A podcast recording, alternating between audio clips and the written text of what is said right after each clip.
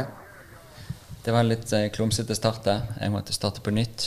Og med en intro så tenker jeg Når du kjører en intro, så ser jeg for meg du kommer inn i, mot bokseringen, og introen er der, og så stopper introen, og så begynner han på nytt. Så mister du en liten sånn der Uff.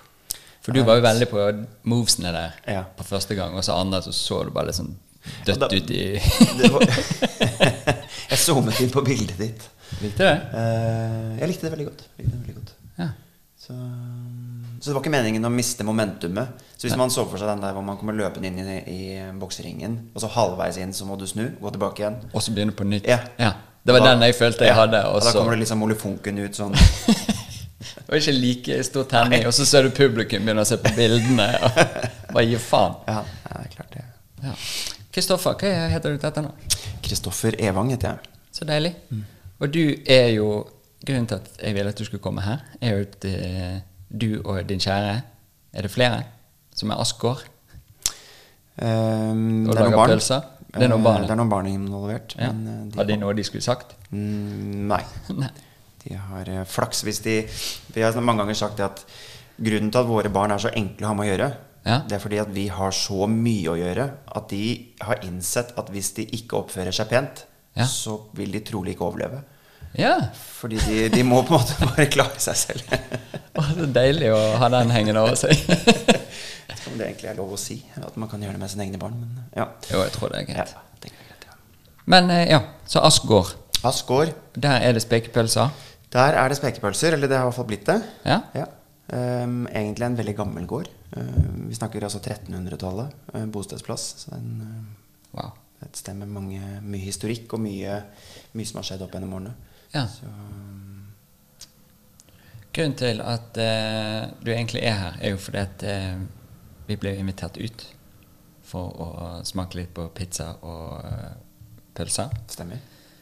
Og det var jo så deilig. Det var en sånn sommerdag. Alt var digg. Det gikk sauer rundt. Jeg var oppskjørtet. Vi var på landet, og landet var bare Er det en time ut av byen? Ja. Ja. Så det var en time ut, og så var jeg på en gård. Ja. Jeg ble helt sånn, og så fikk vi klappe sauer og se på uh, kyllingene. Og den ene kyllingen uten fjær i rumpen. Eh, og det var hund der. Og det var så mye gøye ting. Idyllisk.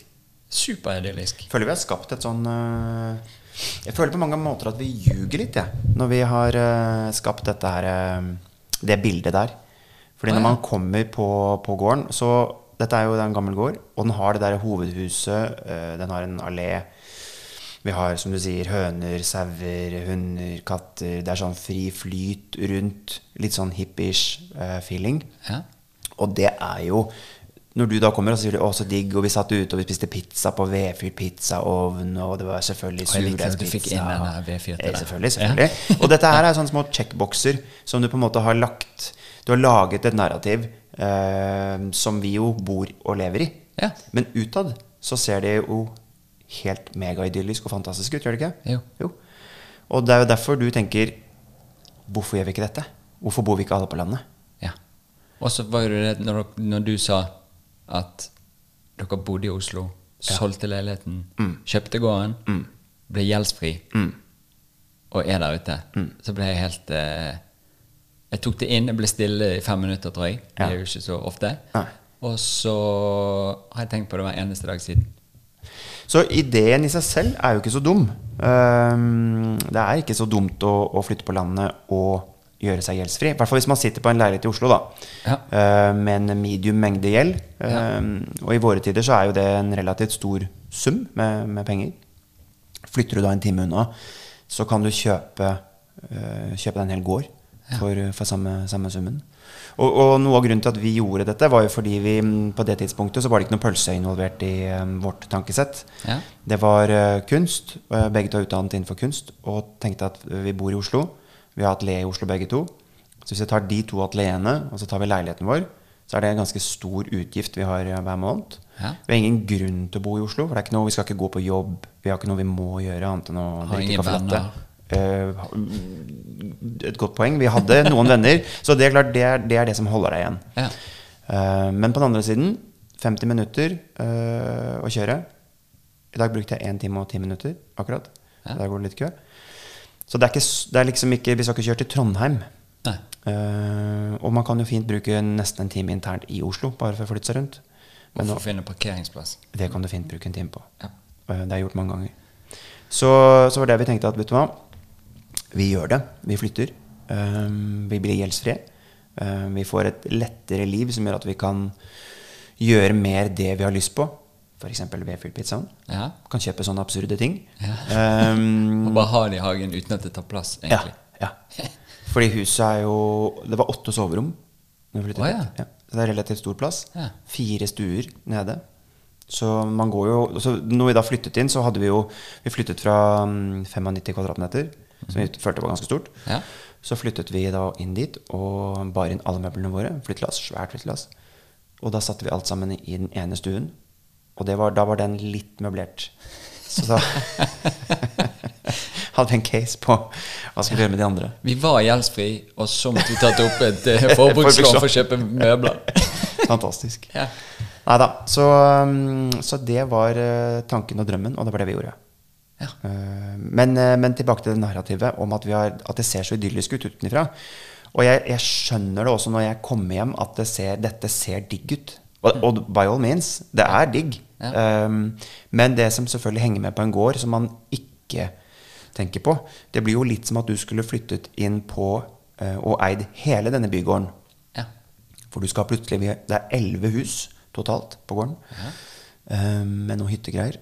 Og det betyr jo, så sier malingprodusentene at det er ca. ti år levetid på maling. Ja. Så det betyr jo at du skal male ett hus én gang i året Ja. resten av livet ditt. Ja. Um, huset vårt har jo ikke isolasjon um, i veggen. Nei, selvfølgelig ikke. Selvfølgelig ikke. Eh, hvorfor skulle du ha det? Eh, det er håndvalsede vinduer um, på ettlagsglass med um, gammeldags kitt. Ja. Så det blåser jo rett igjennom. Så vi bruker på gården hvert år et eller annet sted mellom 50 og 80 paller med ved. Og den skal jo noen skal gå ut i skogen, sage ned det treet, trekke det tilbake, la det ligge og hvile. Hugge det i biter, putte det i en sekk, kjøre det ned, bære det inn, og så on, on, on, on, on. Hvem er noen? Er det deg? Du ser på han. Så det, er, eh, det henger med en del sånne ting som man ikke helt hadde en eh, bevissthet på at man skulle plutselig ha et forhold til. Eh, Ja. Kjøre traktorer, måke snø, hugge ved, eh, male beisehus årlig, klippe den tre mål med plen. Altså, det er veldig mye som høste epler, har svær kjøkkenhage, den- pass på hønene, fôre de hver morgen, hver kveld, bære ut dritten inn med ny halm. Altså, det fører med en del ting som er superbra på en Ja. måte. Eh, og så på den andre siden er det ganske mye, mye tungt arbeid Ja. Fysisk. fysisk. Ja. Når dere bodde i Oslo Mm. og var kunstnere, og dere er jo kunstnere ennå, men dere var i Oslo og var kunstnere, uh, hvordan var hverdagen da? Ja, da var den litt mer chill, men det har jo også noe med at uh, på det tidspunktet hadde vi ett barn. nå har vi tre. Um, så da, um, og forskjellen mellom to og tre er ikke som jeg har hørt mange ganger at ja, ja, men det er bare én til. Det er ikke det. Det er 33% mer til. Så det, ikke, det, det å få nummer tre er ikke liksom Det er, det ikke én til. Nei. På ingen måte. Nei. Så nei, da var jo hverdagen ofte sånn i Oslo stå opp øh, ni. øh, ta med barn til barnehage. øh, gå på atelier. Male. Tegne. holde på litt der. Og så gå hjem sånn i seks-syv-tiden. Hentet noen barn på veien kanskje, og tatt med noen har vært hjemme og lagd middag. Sitte hjemme og jobbe litt. Tegne litt. Ja. Og litt mer. Litt roligere. Ja. Nå, nå er det mer eh, opp klokken seks. Hanegaler. Tre barn skal forskjellige steder. Et firma som skal i gang. Du må kanskje opp i traktoren og måke snø først, for det har snødd 30 cm, så det er ingen som kommer seg ut fra gården. Ja. Skal du helst gjøre det før, før folk skal på jobb, eller til ved jobb. ja. Så det er mange sånne nye deler av hverdagen da, som man ikke helt så for seg. Eh, Savna du den tiden før? Nei, Nei. jeg gjør jo ikke det. Så du setter egentlig pris på at det er litt mer styrete nå? Ja, jeg bare sutrer litt. Ja, jeg ser det. Men Ja. det er deilig å få det ut. Det er jo, jeg har jo forstått det er ganske hektisk for tiden, og nå fikk du ingen turen til Oslo og skal hente noe vin og snakke litt med meg og et annet intervju og litt sånne ting. Så eh, da er det deilig å bare få lettet hjertet. Ikke sant? Ja. Det blir som en slags liten psykologhalvtime. Jeg har jo litt den effekten på folk, at eh, de bare åpner seg. Ja. ja, så fint. Ja, ok. Men uh, uh, ga alle barna på skole i nærheten? En i barnehage og to på skole. Ja. Ja. Er det sånn du må kjøre de, eller kan de gå? Ja, de har begynt å ta bussen nå. Eh, Det er et kvarter med buss. For det er vittig, for jeg så på en, eh, en tomt. Mm. som Mm. Ja, du, du er der, ja. Så du har, du har Jeg begynt å jeg var på Finn? visning òg. Ok. Uh, ok. Ehm, men der sto det at kommunen dekket taxi fra eiendommen Ja. til skolebuss. Ikke sant? Og så fikk eh, Vi har jo ikke barn, så jeg vet ikke hvorfor, men det sto nå i hvert fall der. Ja, ja, ja. Og jeg tenkte det er jo ganske vilt. ja. Og det er dine skattepenger. Ja. Mm. Så da er det noen som har blitt kjørt i taxi til en skolebuss. Ja. Wow. Og det mm, Bor du langt nok unna, så, så får du det. Gjør du det? Mm. Wow. Jeg ser stadig vekk det er barn som Om det er en sånn maxitaxi som plukker dem opp en eh, fem-seks stykker, og så kjører de til en bussholdeplass, og så Kalketaxi. Ja, ja tenkte jeg det. Ja. Det er starten på morgenen. Ja. Ok, tilbake til gården. Ja. Den er jo eh, gul og fin. Tynne vinduer og ikke isolert. Syv soverom. Eh, tre, ja. Fire stuer. Hva drev de med på 1300-tallet, siden de trengte så mye Var de bare mange? Eh, På 1300-tallet så bodde de ikke i det huset der. Da bodde de litt lenger eh, nord, oppover på jordene. eh, Bostedsplassen. Dette huset er fra 1830. Eh, Ja. Og på det tidspunktet så var dette hovedhuset på gården. Dette var gårds- og bruks nummer én i, i bygda. Så det betyr at da er den den største gården. Ok. Um, så det var i utgangspunktet en ganske voksen, stor gård. Med um, dette, jeg vet ikke om du la merke til, men det var et gult hus som lå ute på um, rett parallelt med hovedhuset. Ja. Et litt mindre hus. Men der bodde det fire familier som var eh, drenger på gården. De som altså jobbet på gården. Ja. Så i det lille huset så hadde de altså stappa inn fire familier med eh, barn og koner og alt mulig. Også i hovedhuset bodde det da én familie. Ja. Og det var de som hadde gården. Så um, det som var vårt grovkjøkken Jeg vet ikke om du var med inn der? Ja. Nei. For det var et sånn lite kammers på kanskje en ti kvadratmeter. Ja. Så der bodde kammerspiken som eh, lagde mat. Ja. Så um, det er litt annerledes, eh, annerledes tider. Det er bare større hus og um, ja, større kår. Det var ja. mer verdi å være bonde. Og så på et tidspunkt så, så ble denne gården eh, et um, hotell. Å ja. Så den har fungert som det også. Så derfor ble også rommene bygget om oppe. Før var det større soverom, så vi har funnet gamle arkitekttegninger hvor det er større soverom og større, um, større arealer. Da. Men så ble det da bygget om eh, på et tidspunkt øh, og fungert som hotell. Så da ble det satt inn øh, vasker på alle bad. Og, eller på alle, Minibar. Uh, liten minibar ble snekret opp. Ja. Og så ble jo stuene gjort om sånn at det var et uh, anretningskjøkken med format, og så var det serveringsluk og frokostsal og sånt noe. Ja. Så derfor er det en litt sånn odd uh, måte bygge, huset er bygget på i dag. Ja. Og så har huset stått forlatt i 50 år etter andre verdenskrig. Ja. Så um, da var det ingen som bodde der. Hvorfor det? vet du det? Hvorfor det ble forlatt? Så vidt jeg vet, eller det som i hvert fall jeg har hørt, er at de som um, bodde der, falt i slaget på, i, på, eller, på i Haugsbygd, som det heter. Oi. Eh, Det var et stort slag der med tyskerne, um, hvor man prøvde å holde igjen tyskerne pga. at kongefamilien skulle uh, reise. Ja. De skulle komme seg nord. Så um, Er det en av de scenene som er i den der eh, Kongens nei? Ja. Er det det? Ja? Det er helt korrekt. Ja, for jeg, akkurat jeg følte at vi var et eller annet sted der. Ja, ja. Ja. Så der var det et stort slag. Dere kjørte gjennom et sted som heter Borgerbad ved Klekken hotell. Når dere kjørte opp til oss. Okay. På venstre side var det Klekken hotell, sånn skjørt hotell. Så var det en tennisbane på høyre side. Der var et av de store slagene. Så der er det reist en sånn, reist en sånn bauta. Men i hvert fall Så det er det jeg har hørt, at de falt. Og, og kommunen tok over gården. Eh, skilte fra ti småbruk og solgte de. Så alt du kom, når du kjørte oppover til oss, alle disse gårdene som lå på hver sin side nedover disse småbrukene, alle de hørte til eh, gården eh, og, og fungerte som Det var mesteparten var jorder. Ja. Og noe av det fungerte som ansatte. Okay. Så um, Ja. Men i hvert fall, den sto tom i 50 år. og mine svigerforeldre bodde da i det småbruket som er rett nedenfor. Okay. Mange detaljer her nå. Men Ja.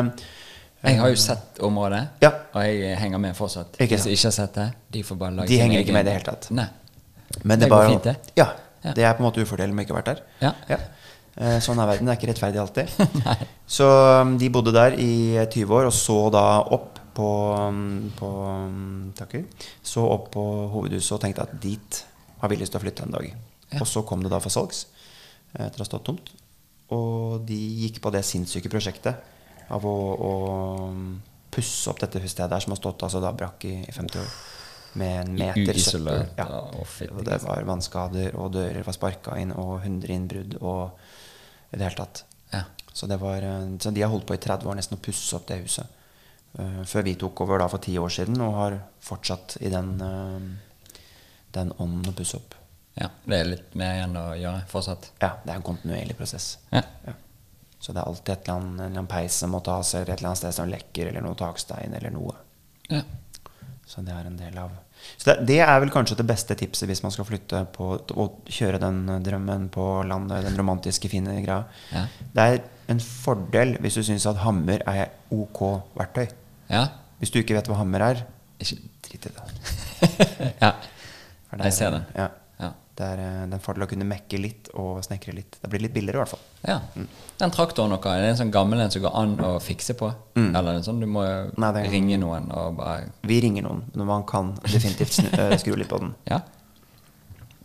Ok, så da kjøpte dere den, solgte her, kjøpte den, pappa den på deg. Mhm. Og så hadde dere dyr da med en gang?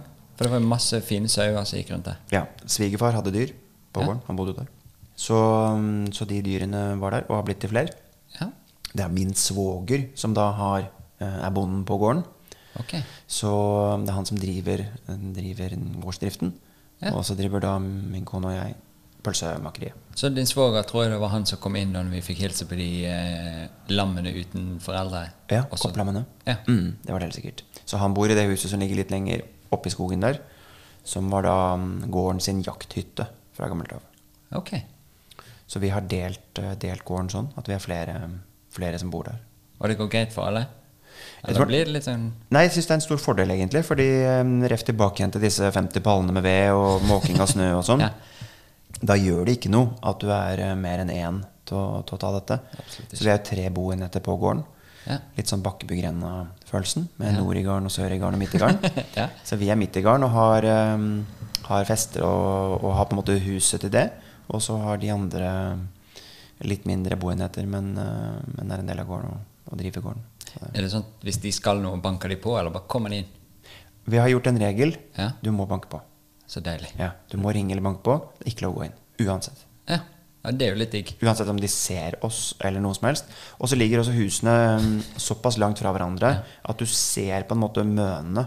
Eh, men du ser ikke Du kan ikke se inn i noe vindu eller Så du kan være naken uten at det Yes. Og det var noe av prinsippet. Jeg, vil gå naken.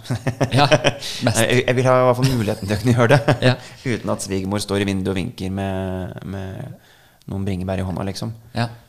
ja det er Det så- ja. Har dere laget andre regler? Det er ikke det lov å gå inn, du må banke på. Uh, ja. Uh, nei, jeg tror egentlig ikke det. Så digg. Og så funker det. Ja, og så har vi Vi prøver å ha søndagsmiddag sammen. Ja. Litt sånn Sånn som man ser på italienske filmer. At de, at de sitter på langbord, og så spiser de, har de masse retter. Um, og så spiser de liksom pasta og grønnsaker fra egen selvfølgelig hage og alt mulig sånn. sånn. Ja. Så, Men det kan jeg se for meg, for det bordet vi fikk spise pizza på ute, Ja. var jo litt sånn. Ja. Har du eh, tilsvarende den, eh, inne? Vi har tilsvarende inne. Uff, sånn at, um, og det er litt den der eh, så Vi digger det å lage hjemmelagd pasta på fredag. Kanskje vi har til skogen plukket noe sopp. Uh, lam fra gården. Det er svær, flott kjøkkenhage som svigermor um, fikser. Hvor det er alt mulig av grønnsaker. Gå og hente seg noen forskjellige polkabeter og rødbeter og gulbeter og lage en eller annen salat av det. Og lage noen sånne digge uh, hjemmelagde ting hvor alt kommer fra gården. Da blir jeg glad. Ja. Så det er, det er min søndagssyssel. Da kan det fint stå med det hele søndagen. Bare Så, ja. lage små retter og, og så er det noe sånn det, blir, det er noe den der italienske mm, Litt sånn uh, sydlandske følelsen av å sitte rundt et langbord og prate om Bare sånn, sånn som vi prater nå. Ja. Om uken, eller om hva som har skjedd, eller Jeg tror det er litt sunt. Og så er det viktig, det med familie. Ja. Um, være litt sammen. ja, og det er jo digg når dere har tilgang på hverandre sånn hele tiden. Sånn som nå har jeg mine foreldre her fra mandag til lørdag. Mm. Det, må, gjøres mye ting, sant? Og så, eh, og så blir alt egentlig litt sånn Det er så mye som skal skje på en gang. Ja. Men blir det, det blir jo annerledes når du har de inni eh, samme leilighet, du ser de på en måte 24-7. Ja. Eh, og du har enten nå låst døren på soverommet deres eller sagt at de må gå ut og ta en kaffe. Ja. Og det blir jo annerledes når man da kan gå hjem om kvelden og si til dem at eh, fra klokka seks til klokka åtte kan dere få lov å være her. Altså, ja. Så, Bare husk å banke på Ja. når dere kommer. ja. Ja. Jeg er naken. Oddsen for at jeg er naken, er høy. Ok, og så er det jo eh, Bare for å hoppe litt, sånn at eh, vi kommer til noe av de ekstra gøye tingene, er jo de her pølsegreiene deres. Mhm. Så det er Ask spekepølser. Ja. Heter det bare Ask? Eh, Merket er eh, Ask. Ja. Og det er den genseren du har på deg. Ja. Den er veldig fin. Den er litt sånn um, distorted. Ja. Logoen vår er liksom løst opp litt. Og laget av pølser. Den er laget av pølser. Design av pølser. Så der var en veldig flink designer, Sindre Trollsås, som designer for oss. Ja. Så han har laget rett og slett et helt alfabet basert på pølse. Pølsealfabetet. eh, Pølsealfabetet. Som heter da ASK, det alfabetet. Og, ja. og der har vi laget da logoen vår. Alt vi skriver, alt vi gjør, er i den pølse, pølsefonten. Ja. Um, så den er veldig deilig. Og så fins den da Du får den i straight, og da, er den på en måte, da henger bokstavene sammen. Så da ser du ikke at det er pølse. Den bare er liksom buet og rundet og rett. Ja. Og så kan du få den i loose, og da, er de, da faller på en måte pølsebitene litt sånn av fra bokstaven. ja. Du rister litt i de. Rista litt i de, rett og slett. Men ja, for da flytte, Visste dere at dere skulle lage spekepølser? når Nei, på ingen måte. Nei, ingen måte. høre. Hvorfor Flyttet på du med det? Ikke sant. Så Du liker Italia? Liker Italia. Veldig godt. Liker der Italia. Frankrike. Veldig glad i den type mat også. Ja. Og vært utrolig opptatt av å lage mat siden jeg var bitte, bitte liten. Sånn alle barndomsbilder, to år, sitter på kjøkkenbenken og rører i gryta. Hvor gammel er du nå? Eh, 42. Perfekt. 40 år senere. Ja. Så um, da, long story short, flytter på landet, eh, skal drive med kunst. Eh, det er et stabbur, og jeg er glad i hammer og glad i spiker. Eh, finner ut at vi har jo kjøtt på gården. Kjempegøy å lage sin egen spekmat. Alltid syntes det har vært morsomt, og hatt en romantisk tanke om det. Uh, pusser opp stabburet, lager med et mini-pølsemakeri. Ja. 22 kvadratmeter. Um, får litt støtte av Innovasjon Norge og klarer å få dette her skrapa sammen på en sånn, litt sånn halvræva kunstnerlønn. Ja. Uh, slakter noen lam, begynner å lage litt uh, pinnekjøtt og litt fenalår og um, noen spekepølser. Og uh, går noen kurs og syns dette er kjempespennende. Det fører til at man får jo da litt Altså Lammesesongen er ganske kort. Det er bare september, oktober, november, og så er, det, er de slaktet, de som skal slaktes. Så det ble veldig kort. Jeg syntes dette var veldig gøy, så jeg fikk lyst til å lage mer. Um, så jeg kjøpte meg tre griser uh, fra en gård.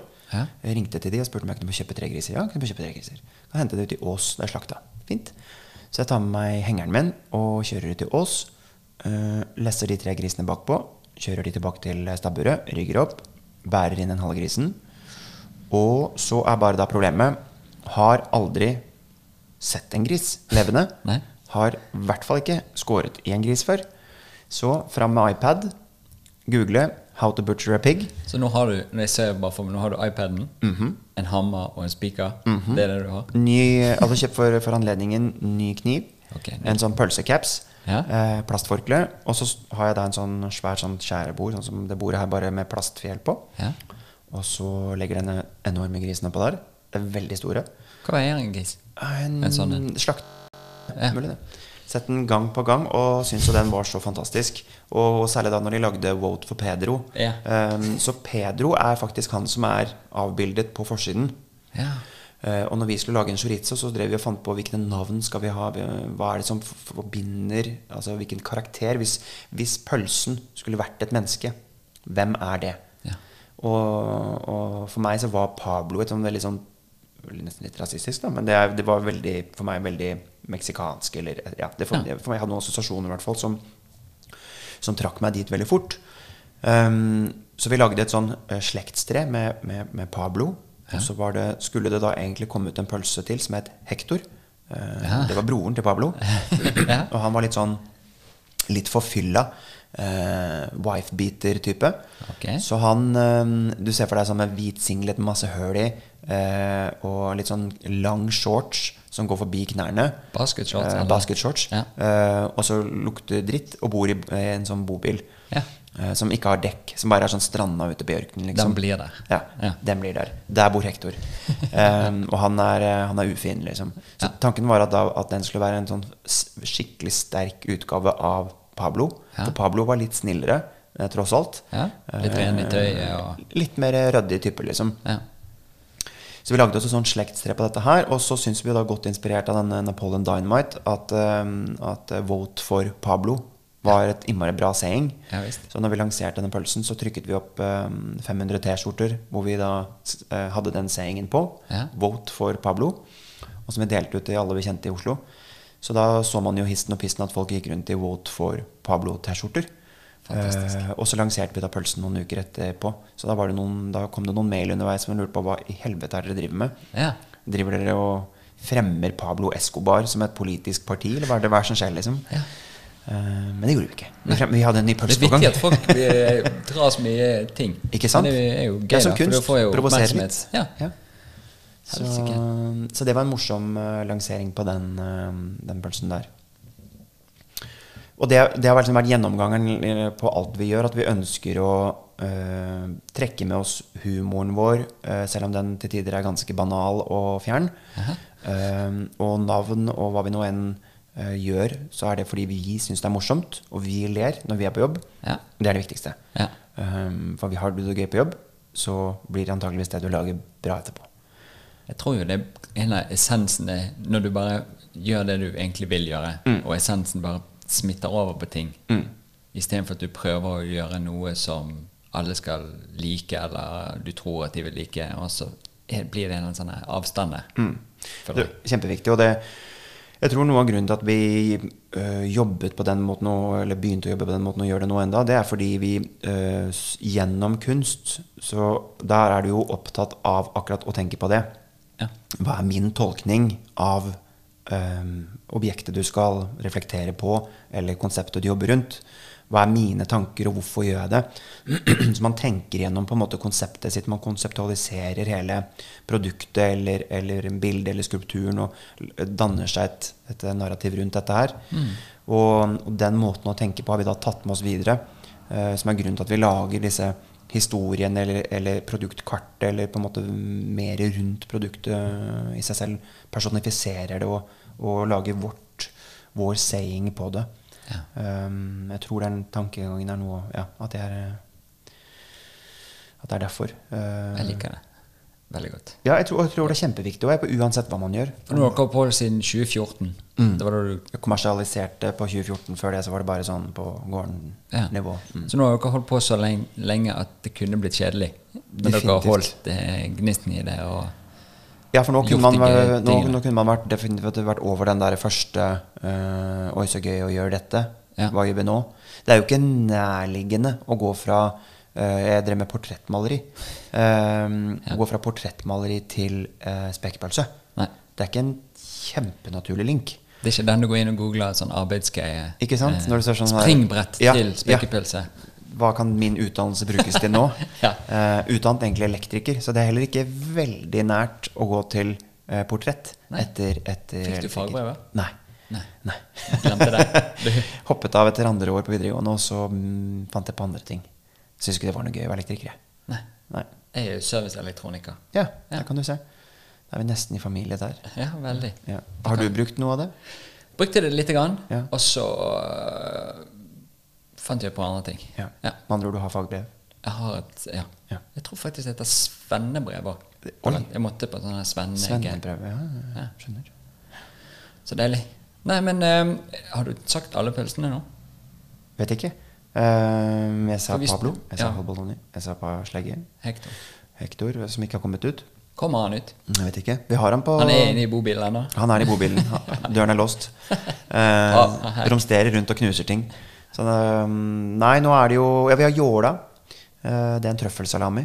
Ja. Eh, Megajålete eh, sak med sort sommertrøffel fra Pimonte og hvitvin. ja. Får du ikke noe mer jålete enn det? Hva skjer egentlig med alkoholen når du putter den i pølse? Forsvinner ja. Hvor blir han av? Går til alkoholgudene. Fordamper. Gjør det. Jeg tror på det. Har du sett denne eh, en eller annen skotsk film, tror jeg det var? Så heter det et eller annet Det er en liten del under destillering som Ja. forsvinner. Ja. Og det går til en eller annen sånn Engle, ikke sant? Ja. Jeg husker de har snakket om det når jeg har vært i Skottland og sett på whiskydestilleri. Ja. Så har de snakket om det, den der prosenten som går til ja, hva nå enn det heter. Ja. Alkoholenglene. Så det, er noen som blir borte. Nei, jeg vet ikke hvor den blir. jeg. Den blir borte, i hvert fall. Det er ikke noe Det er ikke sånn at du uh, blir litt sånn tyste. Og så mye er det ikke heller i. Nei. Nei. Det er ikke alle som tåler så mye. Nei, ikke sant. Alle av oss. Men så, eh, vi fikk jo også se og smake en sånn kopperskinke. Ja. Har vi lov å snakke om det? Ja, Ja. ja visst. Den var jo dødsgod. Ja, vi, det var en, den heter Hockey. Selvfølgelig. Eh, selvfølgelig heter den Hockey. Ja. Det er kanskje det produktet som er lengst unna noe som i det hele tatt er logisk.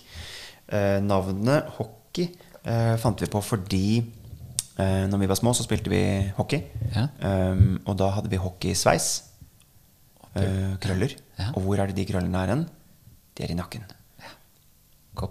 Og koppen kommer fra nakken. Men den er rimelig far off. Er, det er ikke en naturlig selvforklarende link inn. Men med en gang du sa den setningen nå, så gir det mening. Nå gir det mening. Ja. Men det er bare ganske langt å forklare kunden i butikk. da At Ja. nå skal du høre her, her har du et produkt som heter hockey. Grunnen til det er at da jeg var liten, så spilte vi hockey, og da hadde vi hockey. Så, så nei, Hockey fins i Classic Edition, som er sånn italiensk inspirert, og så fins den i Red Edition. Um, og den er laget med rødvin og litt sånn mørke, dype krydder. Kommer det en ny en nå, som, eh, er med, som er på tegnebrettet. Som ble mm, satt i produksjon i går. Um, så den kommer på nyåret. Februar, tenker jeg, lanseres den. Nice. Og den er med spansk røkt paprika, appelsinskall, sort pepper. Uh, kjempes, fantastisk deilig smak. Ja. Um, så den, um, og nå da lanserer vi den også skivet. Det er også som en nyhet. Oh. Breaking news. Ja, Mm. jeg liker det. Um, så, det, så det er på ny der. Ellers så har vi jo akkurat Jeg sto jo og skar uh, lam i går. Var det det du holdt over hodet? For jeg var inne på Insta-kontoen din. Yes, det var et lam. Ja. Så hvis jeg sto og skar 73 lam i går, så i dag er jeg litt grann sånn slapp i klippa. Um, Ja. Relativt uh, seig dag. Um, men vi lager jo fenalår. Gjør dere? Vi lager kanskje det beste fenalåret som fins. Eh, vant det norske måltid i fjor. Forfjor. Ja. Forfjor. fjor. Og fikk akkurat to stjerner i Great Taste Award i London. Bare for, sånn for å skryte litt, da. Så deilig. Tusen takk for at du eh, tok det der opp. Nei, men For da vet vi det. For Ja. jeg er ikke så bevandret der. Så det kommer, Men våre fenalår bruker vi ganske lang tid på. Ja. Så de er ikke ferdig før i mars. Eh, Vanligvis er jo fenalår de lammene skjæres nå, og så blir de ferdige til jul. For alle skal ha fenalår til jul. Men um, til jul er de ikke noe gode, for da har de hengt så kort. Det er som en spekeskinke. Ja. Du kan ikke bare si til eh, Parma-produsenter at eh, unnskyld, kan du bruke tre måneder istedenfor tolv? Fordi det passer oss veldig fint hvis de kan være ferdige nå. Ja. Um, ufordelen med å ha sånne tankesett at vi produserer det til det blir best mulig, og for oss så er det da fem måneder, Ja. Uh, så da er vi i mars. Ufordelen med det er at det er, det er ikke noe høysesong for fenalår i mars. Nei. Det er ikke en naturlig link. Det kan bli det. Men det kan bli det, for det er da fenalårene fra Ass kommer, og de er så sjukt gode. Men dere kom frem til fem måneder. Hva skjer etter fem måneder hvis du tar seks måneder? Blir det enda bedre? Eller er det bare sånn hvis vi skal ha en produksjon som skal være lønnsom og lykte til en sånn? Jeg til en veldig godt. Uff a meg. Du vet hva det var siste jeg hadde igjen? Og det var det? Det kommer i sånne små greier. Takk. Det er bare hyggelig. Altså, Ja, min glede, gleden er på min side. Um, nei, det, det har vi testet på. Um, masse. Uh, testet på 7, 8 og ni. Og, og, og det skal sies at uh, noen fenalår som vi har, tåler å henge helt fram til sommeren.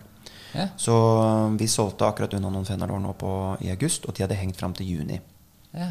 Uh, og det har med størrelsen, uh, og det har med fettinnholdet, uh, hvor mye de tåler å henge. Så vi veier hvert eneste lår, salter hvert eneste lår individuelt, sånn at vi vet at hvert lår har fått akkurat like lite salt. Ja. Veldig viktig, sånn at resultatet blir perfekt på alle. Ja. Og så henger vi opp lårene en til en med en, et et lite navntagg på. En sånn Amerika-koffert-tagg. ja. På den så står det da dato, når det ble produsert, og vekt. Ok, ikke navnet. Ronny. Ronny sitt Ja, høyre lår. pes på Ja. 300 lår. Ronny 1, Ronny 2. Randi. Um, så da, da kan vi da følge med og se når hvert enkelt lår er ferdig, og kan ta ned én etter én ettersom de blir ferdig. Da veier vi de. Og så har vi et sånn hesteben, sånn som de gjør i Italia på film. Kanskje sett, eller kanskje ikke sett. Men det er et sånn man- ben man stikker inn i låret, Ja. Og så lukter du på det. Og den lukten, det er den du, du skal på jakt etter en spesiell type umami, uh, kjeller, kjøttlukt. og når den er perfekt, da er det klart. Hesteben. Hvordan ser det ut? Det de gjør, er at de tar lårbenet fra hest, Ja. og så går jeg ut fra at de spikker det. Ja. Til en slags eh, voksen syl. Ja. Så se for deg en 15 cm lang syl eh, som er en, eh, en centimeter i den ene enden og en millimeter i den andre. Ja. Så stikk, den er litt perforert, dette benet. Så han tar med seg eh, Yes. snadder, molekyler, ut igjen. Sånn at når du da trekker den ut, så lukter du på den med en gang, og så lukter du innsidelukten uten å ha åpnet øh, låret. Ja. Så det er måten å, å sjekke om det på en måte er ferdig. Tar dere det sånn på alle, eller Ja. gjør dere det? Mm. Går igjennom. Så veier de, og så ser at de har eh, fått et visst eh, vannaktivitet eller en viss dropp i, i vekt. Og så tar vi eh, stikkprøver og eh, tar ut kjøtt. Og måler av forskjellige aktiviteter, vannaktivitet og pH og masse sånt teknisk. Ja. Og så går vi gjennom de med sånn hesteben og sjekker at de er bra. Wow. Pakkes de, Jeg fått så lyst på eh. Fenalår, Ja. ja. du må vente til mars. Okay. Eh, så pakkes de, og så um, ligger de en måned på kjøl hos oss Ja. og hviler. Ja. Eh, sånn at de eh, får roet ned enzymutviklingen som har foregått i, i produktet. ja, for da er det temperaturen som er på det, og Ja. jekker den ned. Temperatur og fuktighet som har da foregått hele veien. Og så roer vi den ned på fire grader, og da stopper enzymutviklingen. Ja. Eh, og så putter vi det i hvert sitt stoff, en stoffpose, som er til å oppbevare fenalår etterpå, Mhm. med den fantastiske sayingen 'Make law, not war'. Åh, fantastisk. Fantastisk. Ja. Så da kan man ha fennelåret sitt inni den etterpå. Jeg finner ikke den knappen. Jeg må rote så med har sånn applausknapp. Oh, det er applausknapp. Ja. Men du hadde fått full applaus der. Oh, fantastisk. Faen, så gøy, da.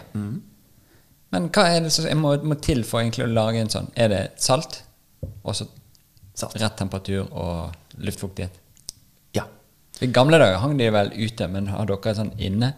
Vi har inne. inne. ute? Ja, vi har det inne. Ja. Um, Så det er lettere å holde det stabilt? Ja, vi kan kontrollere fuktigheten og temperaturen litt mer enn hva man kan ute. Uh, Men du kunne nå rent teoretisk gå til butikken og kjøpt deg to lammesider. Mm -hmm. Saltet de i et uh, kar her hjemme. Ja. Og så kunne de hengt de på det litt uh, vindfulle loftet her på Grünerløkka. Ja. Perfekt. Ja. Uh, Litt gjennomtrekk. Og så holder jo temperaturen ute nå er jo en sånn mellom 7 og 15 grader. Perfekt. Det liker han. Eh, Det liker han veldig godt. Så kunne du produsert pinnekjøtt. Så da hadde du i løpet av en måned, halvannen, to, så hadde du hatt pinnekjøtt. Uh, Grünerløkka produsert. Uff. Sånn touch av uh, smog og litt loftsmugg. Ekstra krydret. Ja. Men det hadde, vært, det hadde blitt kjempebra. Ja. Så det kan du prøve. ja, takk. Det eh, kan faktisk være at jeg eh, tester. Ja. Selger dere sånne sider av de sønnene deres? Eh, tenker du på noe av disse u, eh, usaltede? Ja. Eller tenker du på når de er ferdig saltet? Nei, rå. Nei Lager dere pinnekjøtt? Vi lager pinnekjøtt. Kødder du meg? Så alt, eh, alt som du så på det Vi lager altså, det Jeg har no- ikke sett alt. Nei, men det er jo sånn at uh, på et dyr så er det jo en, det er jo forskjellige deler, Ja. og alt må brukes. Ja. Sånn at man kan ikke velge å si at den ene delen kan vi ikke bruke. Um, for det er jo noe på prinsippet med denne bærekraftighetsmodellen på å produsere kjøtt, så må vi bruke hele dyret. Ja. Så vi, eh, på et lam så har du, sitter du igjen med tre, tre deler som vi bruker. Den eh, siden, altså ribben, det blir pinnekjøtt. Ja. Låret blir da til, eh, til fenalår. Ja. Bogen speker vi, altså forbenet, og bruker som pinnebog. Eh, pinnekjøtt, men med mer kjøtt på. Ja. Og så sitter du igjen da med litt sånn Det er jo stygt å bruke ordet avskjær, men litt sånn rydding når du har ryddet rundt på, på delene. Og det blir til pølser. ja. Så da har du brukt opp hele dyret. Tar du, du lager ikke smalahove, det er bare på Nei. Voss. Det er bare på Voss. Ja. Men det hadde vært kult. Men det, de, av en merkverdig grunn så er det sånn at når vi sender dyrene våre til slakteri i Norge, så kommer dyret gående Det går jo inn av egen maskin. Ja. Så slaktes det, og så kommer det tilbake igjen til oss. Men det som har skjedd da, er at det mangler hode. Oi. Det er merkverdig. Og det mangler også innvoller. Så lever f.eks. er blitt borte. Oi. Hjerte. Hjertet er borte. Nyrene. Borte. Oi. Så- Hvem har tatt det? Ja, si det. Du vet ikke? Nei. Det må jo Jeg, jeg holder en knapp ringer du dem, da? Du, jeg leverte jo inn en her med alt. Mm. Nå har fått den bak i Han har jo ikke Mangler Han en god del. kanskje 30 av genene. Det er litt spesielt. Samme på gris. Når den leveres Pelsen er vekke. Nei, pelsen får Den vi får vi. Ja. Ja. Så den er med. Og på grisen så mangler den også forben. Så mangler hode og forben. Det gir jo ingen mening. Så øh, et eller annet sted underveis i den prosessen hos slakteren så kanskje det er de, kanskje det er de, produsent, de, de prosentene med sånn angel øh, De går opp. Ja, Ja. kanskje det er det. Det kan At de fordamper på grisen, så hodet blir magisk borte. Det kan være en universell formel, Universell formel som passer i alt. Ja. At Noe går uansett noe må opp. Ja. Det, det er som et slags skuddår. Du må på en måte nulle ut et slags system. så noe må bli borte. ja. Jeg vet ikke, for det hadde vært kjempekult eksempel, å lage uh, gunciale, altså speket uh, kjake. Ja. Uh, Det kan du bare glemme. Det kan du glemme, for det hodet er borte. Det gikk opp. Mhm. Ja. Og leveren til grisen, hva bruker vi den til? Leverpostei. Hvem er den største aktøren på leverpostei i Norge? Det er vel stabburet, det, sikkert. Ja, Gilde. Gilde. Og hvem er Gilde? Nortura. Og hvor slaktes grisen? Nortura. Er det mafia? Er det mafia? Det er lett å tenke sånn, i hvert fall. Men det er klart det er jo genialt produkt. da Og genial eh, den som har funnet opp dette, hvis det er tilfellet. Denne Ja. konspirasjonsteorien jeg nå sår, Ja. han må jo være helt genial. For du har, du, du har gratis råvare, Ja. og så har du monopol. For det er nesten umulig å få tak i. Helt eh, Ikke dum, Det er nesten der. sånn jeg ikke vet hvordan vi skal fortsette dette, for det er så mye som foregår oppi knotten min nå. Mm. Flytte på landet. Wow. Grisen, hvor blir det av den? Mhm. Mafia Det er mye greier her nå. Gud, så spennende. Men Mm. pinnekjøttet, er det klart til jul? Ja visst. Oi, så jeg kan kjøpe det? Ja. Det kommer eh, Vi begynner salget nå vi, vi skulle ha lagt ut på hjemmesiden vår i dag. 1. oktober. Den fluen der eh, tror jeg du har hatt med deg inn. Det er helt sikkert en gårdsflue. Um, for vi legger, ut, eh, vi legger ut på forhåndsordre, så folk kan bestille. Ja. Og så blir det levert, så sender vi det hjem i postkassen din. Sånn at du får det da um, Akkurat sånn at det passer inn i Nei, dessverre. Nei, okay. Du må på postkontoret. Ja, okay. På pinnekjøtt. Men alle spekepølsene våre rett hjem i postkassa di. For dere har nettbutikk? Vi har nettbutikk. Flott. Askål.no. Ja. Reklamerer litt for den. Deilig. Eh, da er eh, det slik at når du bestiller en pølse der, Mhm. puttes den i en eske som er spesiallaget for postkassen din. Også Oslo-bordet. Ja. Eh, så den, kan, den går i sånne små postkasser. Og så har du post, eh, får du den i løpet av en dag eller to. Rett hjem i postkassen. Det er nice. Det er nice. Det er veldig nice. Så det var jo i uh, koronaverden, Ja. som var jo hardt preget i fjor, Ja. så var jo det en kjempeasset. Så det var eh, Folk satt på eh, i karantene og Yes. hjemmekontor og Så vi spytta ut sånne pølser i alle retninger hver eneste dag. Pakka hundrevis av pakker.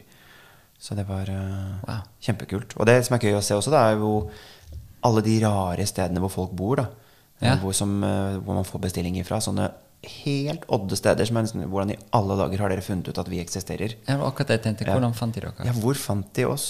Sikkert uh, hørt på podkasten din. Ja, det kan være. Men var ikke det, kan det stemme? For det, uh, Nei, kan ikke stemme, jeg har jo sett det. Rett etter vi var på gården deres, Ja. så googlet jeg gården, og så kom det opp eh, God morgen Norge. Ja.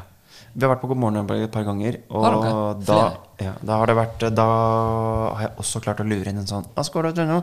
Ja, Og da sier det pang. Da sier det skikkelig pang. Så første gang vi var med, var med der, det var i november. For, Jeg strekker deg litt. Ja. ja. Klarer ikke å si det. Tar det på, på, det. innpust og utpust. Um, og da, da husker jeg at da fikk vi så mye ordre at hele nettsiden um, paia. Den bare rett ned. Oi, det er liksom sånn millennium-ting som vi trodde skulle skje. Ja. Skjedde på deres. Så på neste runde når vi hadde de på besøk, så um, måtte vi få en kompis som, meg som jobber med webdesign, til å sitte på backend, det heter, og, og, og, liksom passe på siden og, og fòre med Jeg vet ikke hva han gjør, jeg. Nei. Mest sannsynlig hvis jeg drakk en kaffe og tok bare, bare betalt. Ja. Men um, altså det har vært kjempegøy. Da ser man effekten av reklame. da også, Det som er også litt spesielt med det, som jeg tenkte på i ettertid da Hvordan har det seg sånn at så ufattelig mange tusen mennesker sitter hjemme og ser på TV på morgenen? For dette er jo et program som sendes fra sju til ni på morgenen. Sju til ni, da er jeg for det første. Så har jeg jo tre barn som løper rundt i huset og hyler. Eh, Du har måkt gårdsplassen. ikke sant? Det er gjort klokken seks. Og så eh, skal du da kjøre disse barna rundt omkring. Du skal på jobben selv.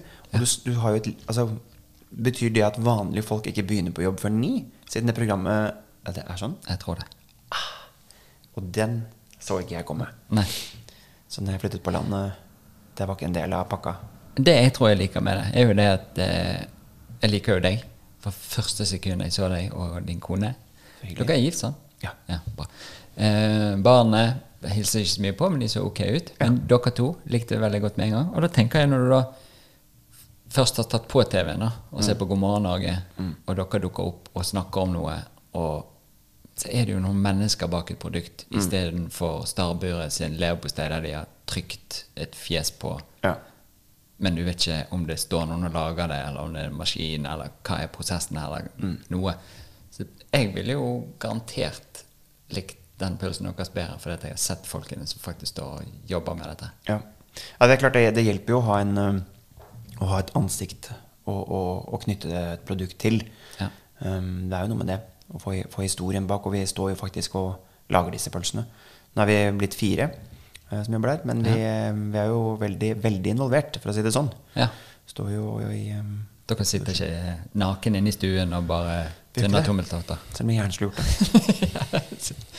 ja. Men det er um, Så det er, en, eh, det er Uh, kanskje ufordelen med å være gründer på små bedrifter. At du må jo være med på absolutt alt. Du er en slags sånn vaktmesterpotet Ja. som er med alt fra bytte lyspærer, er med i produksjon, reiser rundt og selger, ø, sitter i megafancy podkaster, Ja. Uh, henter vin. Uh, du, du gjør jo alt, men det er det som er eh, litt morsomt også. At du har en hverdag som ser helt crazy ut. Hva skal jeg i dag? Jo, jeg skal produsere et halvt tonn med spekkpølser. Og hva skal jeg i morgen? Jeg skal skjære 73 lam. Hva skal jeg neste dag? Jo, jeg skal til Oslo på et intervju, og så skal jeg der Så man har masse, masse gøy som skjer hver dag. Veldig variert. Veldig variert. Og, Innenfor det samme, men variert. ja. Ja. Og så er, og så er det jo babyen vår, på en måte. Så man brenner jo for det. Så, og da blir det ganske mye morsommere å gjøre det òg. Men den nye for Tidligere så var produksjonen på vedgården, Mm. eller i, inne på tunet der. Og nå er det flyttet litt bort i dalen, var det det? Ja. Eller vi har begge deler, da. ja, begge er operative. Ja. ja. Så, så når jeg står og skår lam i går, så var det på gården. Ah, digg. Så på gården driver vi med eh, koppaproduksjon. Ja. Og så driver vi med fenalår pinnekjøtt. Ja. Og alt sånne langtidsmodnede. Type spekeskinker, eh, den slags type ting. Og så er det da på, på den andre hva skal man kalle det, produksjonsstedet, så produserer vi spekepølsene. Ja. Det, det var rett og slett ikke nok plass på, på gården til å, til å lage alle pølsene, så da måtte vi flytte litt på oss på, på den. Så nå har, vi, nå har vi to steder. ja. Ja. Hva, er- men kommer dere på nye ting dere vil ha hele tiden, eller er det Ja. bare Altså du må bare ha flere pølser eller ting? Ja. For dere Er det lov å snakke om eh, Bare slenger det ut her. eh, pizzasaus. Kan vi snakke om det? Ja. ja. For dere har laget det, eller skal Ja. lage det? For det Det- fikk jo vi smake. Det fikk dere smake. Ja. To pizzasauser. Øhm, så det er jo et, øh, den broren min som driver et øh, bryggeri. Ja, Eh, Ask bryggeri. ja. Ja. Um, og der uh, har vi da laget pizzasaus som vi skal lansere senere i år. Kanskje neste år. Ja. Ja, alt etter hva vi rekker. Og så er jo ufordelen og fordelen er at vi har en sånn carte blanche på de som jobber hos oss. Hvis dere kommer på en kul idé, hvis det er noen dere har lyst til å teste ut, kjør på. Så vi nesten ukentlig så lager vi jo en test med et eller annet. ja. Være seg valnøtter, svisker, einebær, gin. Oi. Lagde en spekkpølse med gin. Var den gøy? Ehm, ganske morsomt. Ja. Eh, Da var drømmen å lage to pølser. Eh, Det var sånne små sånne mini um, Sånne snackpølser. Sånn som er sånn liten sånn, sånn ølpølse, liksom. Ja. Så skulle vi lage to sånne små, og så skulle det være en pakke. Uh, Vi lagde faktisk begge to, men de ble ikke vi, la, vi kommersialiserte de aldri. Den ene skulle ha gin i seg, den andre skulle ha tonic. Og så var det gin tonic-pølse. Vet du hva som Du kunne ta en bit av hver, Ja. og så hadde du gin tonic. Det er jo helt vilt. Vet du hva som er helt vilt? Jeg vet ikke om det er så vilt. Du har meg, sant? Mm -hmm. Bilder meg på den pølsepakken. Og så heter jeg Trond. Og så er du en gin tonic-pølse. Jesus. Skrupp. Jeg bare slengte den ut her. Ja. Og det er jo fordelen og ufordelen er at når man kan gjøre alle disse tingene her, og hver eneste uke drive og leke seg med nye produkter og nye smaker og nye ideer og nye tanker, så blir det nødvendigvis ganske mange nye produkter da, som du må Ja. på en måte sile helt inn ut. Hva er det vi tror på? For det første at vi kommer til å klare å selge noe av. Det er jo en slags fordel at du klarer å i hvert fall selge bitte, bitte, bitte, bitte litt. Ja. Selv om alle produktene må jo ikke være en stor hit. Nei, Men, noen eh, kan dra litt lass, og noen kan ja, være litt den, de gøye som henger med. Ja, og det, det er definitivt en del av de gøye som, ja. som kommer underveis i, eh, i løpet. Ja. Så, um, og, det, og det er så innmari, innmari satt og kjedelig marked. Altså spekemat, pålegg i Norge. Den hylla når du går inn der, den er jo identisk. Ja. Altså Det fins sikkert 32 utgaver av en spekepølse som er helt lik. Ja. Jeg skjønner ikke hva som skjer. Alle pakkene er sorte. Alle pølsene heter et eller annet med salami. Spesialsalami, gullsalami, favorittsalami, familiesalami.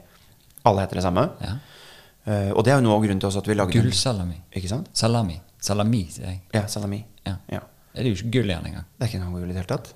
Eh, og det er noe av grunnen til at vi lagde på våre produkter uh, forskjellige farger på alle. Det er gøy. Og eh, typiske navn på alle. Altså ref. Paolo Holbodan. Fordi jeg er såpass distré at jeg klarer ikke å huske Hvis jeg smakte en, en, en spekepølse, så klarer ikke jeg å huske hvilken var det jeg syntes var god. Eh, og særlig de som har nummer. Nummer fire, nummer tre og nummer sju. Sånne ting klarer ikke jeg å huske. Nei. Da tenkte jeg at her lager vi en, eh, en spekepølse som for det første har en farge som er tydelig. Så du vet at det er den røde jeg liker, eller det er den blå jeg liker. Ja. Hvis du ikke sånn som jeg med ballonien. Jeg bare husker i hvert fall blå. Ikke sant. Det er den blå jeg liker. Og da har du gjort sjekk på den. Ja. Eller jeg husker uh, ikke farge, men jeg husker rare navn. Ja. Holy Balloni. Det var rart, det husker jeg. Eller da den kjempestore logoen på produktet Ask. For det var jo det viktigste. At du Ja. kjøpte noe fra oss. Og som du tok feil, så var det ikke det så farlig for oss. Men verre for deg. Ja. Um, så det er grunnen til at vi lagde disse eh, veldig tydelige frontene på produktene. At uh, jeg er rett og slett litt distré Ja. og trenger eh, hjelp i butikken til å plukke ut de produktene. Det er ofte bare å gjøre det man trenger sjøl. Ja. For det er klart, når det, når det finnes 32 typer som er sort, alle er sorte, og alle er skrevet i samme font, det er ikke lett å huske hvem som er hvem. Så jeg legger den der, så hører vi den ikke. Ja. Men så tenker jeg det er jo litt det samme som at når du har det sånn, Mm. Og når du alltid sitter i, en klasse, så sier alle de pedagogiske lærerne Ja, det var flott du rekte opp hånden, for det er mange som har samme spørsmål som deg. Det er jo litt det samme. Ja. Du bare går og roter Mm. Rundt og klarer faen ikke huske hva pølse du skulle ha, eller noe som helst. Ja. Og så er det bonus at det er en økologisk pølse. Definitivt. Er det mye mer styrete å lage enn en vanlig pølse? Ja. Veldig. Ja. Så Hva er eh, utfordringen, kan vi spørre om det? ja, nå er jo største utfordringen å få tak i nok råvare. Ja. For det fins ikke nok uh, bønder i Norge som produserer økologisk kjøtt. Så vi har jo måttet gå på forskjellige typer serier med pølser. Noen er 100% økologiske, og noen er på frilansgris, altså griser som får lov til å leve fritt ute. Som i teorien egentlig er Det samme som økologisk, bortsett fra at de, de får spiser. Nei, de får ikke stempelet, fordi da måtte de spist fôr som var uh, sertifisert økologisk. Oh. Nå blir vi jo inn på en lang diskusjon der hvis det er greia. Altså, mm. Mhm. Men, men uh, for oss så handlet det Når vi lagde dette selskapet, så satte vi tre core values for selskapet Ja. som var viktig for oss. Og det første det var at det skulle være dyrevelferd. Ja. Og under dyrevelferd så lagde vi en del forskjellige eh, statutter som vi mente var viktig. Eh, at dyrene skulle ha fri tilgang til å gå inne og ute. Eh, at de skulle ha større arealer når de var inne. Eh, og en del sånne velferdstiltak på at de, grisen skulle ha rotemateriale som den kan leke med. og masse sånne type ting. Um, og, og det var viktig for oss at dyret skulle ha et så tilnærmet eh, normalt liv fram til det ble mat. For det er nå engang sånn at de dyrene skal bli mat. Og det er jo noe vi bare må forholde oss til hvis vi ønsker å spise kjøtt. Ja. Og så er det en del som ikke ønsker å gjøre det, og det er også helt fine. Ja. Um, og det var nummer én. Og så var det nummer to var at vi skulle ha en bærekraftig produksjon. Og med det så mener vi at vi skulle uh, bruke no, altså jobbe fra, for å ha nose to tail. Hele dyret skulle brukes opp. For hvis det er én ting som har mye CO2-koeffisienter, så er det jo kjøtt. Og da er det veldig viktig at vi bruker opp hele kjøttet, altså hele dyret, og får laget noe av alt på hele dyret. Um, og så er det da type sånne ting som, uh, som plast. Eh, på produktene våre bruker vi plast for å få best mulig holdbarhet. Uh, for da får du ned matsvinnet. Men da er det viktig at du bruker riktig plast. Så vi Ja. bruker en plast i dag som er en monoplast. En, en sammensatt av én type. Ja. Den er jo null dyrere enn konkurrentenes den vanlige plasten. Stereoplasten. Ikke sant? Ja. Eh, Men den her er da 100 resirkulerbar. Den kan gå rett inn igjen og produseres på nytt og bli en ny pakke av akkurat samme. Ja. Om igjen og om igjen og om igjen. og om igjen. Eller den kan bli til andre typer plaster. Ja. Eh, og så har vi gått for så tynnest plast som mulig. Så når man kjenner på posene våre nå, på emballasjen, så er den ganske tynn. Nesten litt sånn litt latterlig tynn. Men det reduserte 35 av plastforbruket vårt. På, Oi, helsike. Det er ganske mye. Ja. Det er jo ett ekstra barn. Yes, Ja. ikke sant? 33 Så um, disse valgene henger med da på denne bærekraftighetsdelen. um, og så har vi og sånn som kildesortere, f.eks. Så at man må kildesortere i alle rom på hele fabrikken. Alt skal i forskjellige bøtter og etc. Uh, og så siste var håndverk. At produktet skulle ha håndverksbakgrunn. Uh, Altså at vi skulle både lage produktet selv, det skulle være en del av hånd, noe håndlaget i det. Ja. Vi skulle ha lagd egne oppskrifter. Eh, og produktet skulle ha en inspirert av et type sånn håndverksprodukt. Da. Så selv om du kanskje har en maskin som kverner for deg eller pakker for deg, så i hvert fall skal du være med i prosessen og, og, og, og kontrollere produktet med kvalitet og med smak og med utseende og stilen på det. Ja. Jeg eh, likte jo alle de. Ja. Var fint sånn tjik, tjik, tjik. Det er jo vanskelig å ikke like eh, de, da. Ja. Det, de er jo litt sånn kommers... Altså det å si bærekraft i, i 2021 er jo egentlig litt eh, blasfemisk. Ja. For- Fordi hva er bærekraft? Nei, det er jo litt sånn grønt, da. Ja, forgrønning er jo et stort Det er problem. ingen som vet hva det egentlig er. Men det er bare, vi tror at det er fett fordi det heter et eller annet grønt. Og alle snakker om at bærekraft, det må vi ha med oss. Så det er derfor det er blitt et sånn it- it-begrep. It Så for oss er det viktig da, eller for alle er det veldig viktig å gå en runde med seg sjæl i sin egen bedrift og finne ut hva er bærekraft for oss. Ja, Hvordan kan definere vi være bærekraftige? Og Ja. det er noe av det viktigste at man gjør. Ja. Eh, Så da har vi kommet fram til disse typer tingene. Og en annen ting som vi har eh, under denne, hvis jeg først er inne på bærekraft, er jo eh, også at vi skal ha et bærekraftig firma, skal ha bærekraftig økonomi. Ja, Har dere det? Ja. Ja. Det, er en ting som, det er en ting som mange kanskje syns er litt sånn fjernt å bruke ord bærekraft om, men jeg syns det er kjempeviktig. Ja. For hvis vi har en, et selskap som går i pluss, og som overlever hvert år, så har vi sikre arbeidsplasser. Vi bor tross alt på Jevnaker. Viktig å få arbeidsplasser på landsbygda hvis folk har tenkt å forfylle denne drømmen som du har tenkt å gjøre. Ja. Pluss at man alle de andre eh, faktorene som er med å drive en bedrift. Du skal ha regnskapsførere, du skal ha vaskehjelper, du skal ha transportselskaper. Du, det er ganske mange ekstra arbeidsplasser som blir med det å starte opp en, en bedrift. Som ikke nødvendigvis er ansatt hos deg, men som er en bieffekt av å starte et nytt selskap. Ja. Og så har det mye å, å, å si for identitet, tror jeg. Sånn at eh, de som kommer fra Røros, de er jo stolte av Rørosmat. Ja. Det er ingen tvil om det. Og, og det er jo noe av det vi prøver å gjøre også på Jevnaker. At de som kommer fra Jevnaker, skal være stolt av at Aske produseres på Jevnaker. Og at det er en litt sånn kul ting. Hos der hvor jeg bor, der produserer vi Ask. Ja. Og, og Det det, med å bygge identitet og bygge på en måte stolthet. Og det er noe av det jeg har vært mest inspirert av når man reiser til Italia eller Frankrike. For reiser du til Piemonte Ja. Og, og går på en restaurant og skal ta, ta et glass vin, som du jo skal, Ja. hva får du servert på bordet? Vin fra Piemonte. Ja. Noe annet skulle jo tatt seg ut. Det blir veldig rart. Ikke sant? Akkurat som Ringnes i Bergen. Ja, veldig rart. Ja. Der skal vi Hansa. Bli støtt. Og det er noe av det som vi nordmenn må bli bedre på. Vi må rett og slett bli mer stolte av hvor vi kommer fra, og hva vi produserer der vi kommer fra. For det er jo kultur i aller høyeste grad. Så f- i, nå, nå er jo Bergen et unntak, for dere har lært dette. Dere har mer enn nok stolthet. Ja, dere har så mye stolthet, ikke sant? At det kanskje er litt mye, til og med. Ja. For, sier enkelte. Ja. med fare for å tråkke noen på tærne. Men, øhm, men resten av oss må ta, oss, øh, ta oss selv i nakken og, og bli litt mer stolte av de produktene og, og den, den arven vi, vi har der vi kommer fra. Ja. Og vi må snakke om det ut også. For jeg mener, Norge vi har jo kanskje noe av det beste ryktet i hele verden. Vi har fantastisk dyrevelferd. Vi har en sinnssyk natur. Helt fantastisk. Eh, og det, de to tingene kombinert gjør at vi har en fantastisk dyrevelferd. Ja. Helt produkter helt oppe i verdensklasse, altså råvarer. Helt unik kvalitet. Og det burde jo tilsi at vi burde kunne produsere vel så gode spekepølser som italienerne gjør. Vel så gode spekeskinker som spanjolene gjør. Og dette må vi bare liksom på en måte ta til oss og bli stolte av og, og, og, og pushe fram. Så hvis vi skal ha et selskap, så skal vi ikke kjøpe importert spekeskinke. Vi skal kjøpe norsk. Ja. Vi kjøper norsk ost. Vi har en oster i verdensklasse som vinner VM i ost. Lager dere ost? Nei. Nei. Uh, men det, plutselig en dag gjør vi det. Ja. For det er så gøy. Um, og, det, og det er det her som Og det er, vi må gjøre det på alt. Ja. Vi er i, i verdenseliten på øl, egentlig. Vi er på vin, dessverre ikke. Eh, men det kan komme. Ja. Um, så, og disse tingene må vi ta til oss, og så må vi, må vi fremme det. Det, det tror jeg er viktig for at vi skal få en, et rikt, eh, mat, en rik matkultur. Ja. At vi er stolte av opphavet, vi er stolte av smakene våre, og at vi tør å fortelle det til turister, og at vi tør å eksportere det. Og faktisk med hjertet si vi lager noe av det beste i verden. Det må du smake. Ja. Samme som vi gjør på fisk. ja.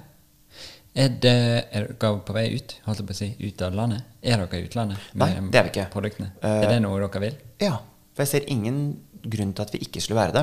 Nei. For jeg mener for det første så lager vi Vi var i, i um, Toskana for to år siden. Ja. Skal du følge med her? ja. Vi er jo ferdige snart. Vi er ferdig For du skal jo gå her. Ja visst, jeg skal rekke neste sak. Uh, men kjapt si det, så var vi i Toskana. uh, vi kunne sittet her i flere timer. Jeg kjenner det. Så Ja. neste gang du skal inn og hente vin, så kan vi sette av to timer. Ja. Ja. Eh, vi ble invitert av den italienske uh, vinsommelierforeningen i Toskana. Ja. Så vi reiste ned dit og hadde med oss spekematen vår. Ganske skummelt i utgangspunktet å reise til Italia med norsk spekmat. Ja. Men, uh, men jeg tenkte shit heller. Vi lager bra ting. Vi får mm, bra tilbakemeldinger. Mamma sa det var bra. Ja. Så, um, men da å komme med fenalåret der nede, Ja. fortelle historien til fenalåret, vise fram disse sauene som, som klatrer rundt omkring oppe i fjellene, og, og servere det til eh, disse folka her Altså, de tok jo av seg hatt og støvler. Ja. De var helt over seg og lurte på hvorfor i alle dager er ikke dette her å få tak i i Italia. Ja. For det produserer de ikke selv. Nei. Og her burde vi Virkelig. kjent vår besøkelsestid Ja. og klemt til. Ja. Så på et eller annet tidspunkt skal vi gjøre det. Fantastisk. Det er jo så dritt at klokken går så fort. Ja. For det at eh, jeg kjenner for hver ting vi snakker om, så bare har jeg lyst til å vite mer. Eh, kanskje en annen dag. Kanskje en annen dag. Ja. Og det, vi lar bare lytterne, alle de to, med mor og resten av familien Og din mor. Ja, og hun eh, Ja, det vil jeg tro. Ja, nydelig. Bare lar vi der eh, leave them wanting more. Mm. Tusen takk for at du kom. Tusen takk for meg. Det var så deilig. Nå spiller jeg outroen. Ja.